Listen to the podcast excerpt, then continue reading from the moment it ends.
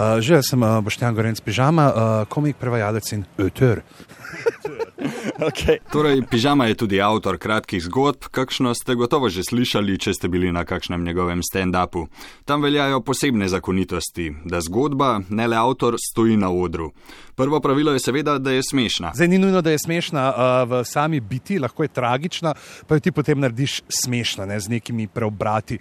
Predvsem se mi zdi, da ko, kot komik pripoveduješ zgodbe, da se zelo čutiš ali si iskren ali nisi. Ne? Da takrat, ko vidijo uh, gledalci, da ti prihajaš iz nekega kotička sebe, uh, takrat znajo zelo bolj uh, nagraditi uh, to, kar jim uh, pripoveduješ. To je tudi trend, ki ga pižama zaznava na svetovni stand-up sceni. Komiki, ki so v zadnjem času priplavali na površje, zato izhajajo iz sebe in svojih doživetij. Jasno, potem za odr narediš bolj pretirano, ne karikirano verzijo vsega. In uh, predvsem, uh, kot komik postavljaš zgodbo jasno, moraš paziti, da nima samo nekega končnega punčline, ampak da vse čas skozi zgodbo doziraš neke kratke.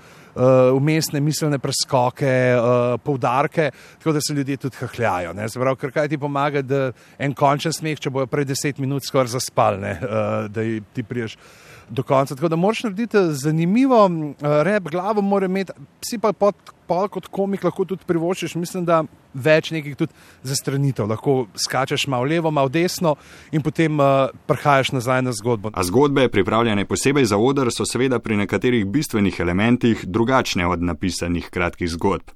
Zaplet, razplet, postavitev karakterjev in podobno so bolj svobodni, je pa en element, ki ima v stand-upu svoje zacementirano mesto vrh zgodbe. Ja, definitivno je vrh uh, tega pri stand-upu na koncu, ne, ta končni punčline, ki uh, zašpili vse skupaj. Uh, zaplet, ja, tudi mora biti, ne se gre za razreševanje nekih stvari. Uh, je pa jasno, da mogoče si lahko, pa zdaj ne bom rekel, da si lahko malo bolj mundan, da lahko greš z nekimi bolj vsakdanjimi stvarmi, ker tudi kratke zgodbe, čisto ko jih pišeš, ne, lahko povsem po nekih običajnih uh, vsakdanjih stvareh posegaš.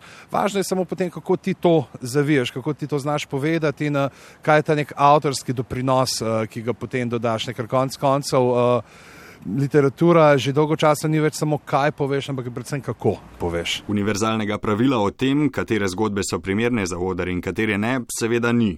Pižama pravi, da običajno najbolje delujejo tiste, ob katerih dobiš precej asociacij in na nje lahko obesiš dodaten material so pa na poti do dobre zgodbe tudi pasti in zanke. Zanke so predvsem v tem, ja, da kdaj ti misliš, ali se to bo pa uh, delovalo, ne, že samo če povem, ne, ker mi je meni bilo zabavno, ko se mi je to zgodilo, ampak ni, ne, vedno moraš dati zraven nekaj več, ne? se pravi, uh, obogatiti samo prigodo z nekimi dodatnimi razmisliki, da, ti služi potem, kot sem prej rekel, več zgodba je, ne? ampak zraven pa podaš še neke druge, ne vem, ali so to satirični, kritični pogledi.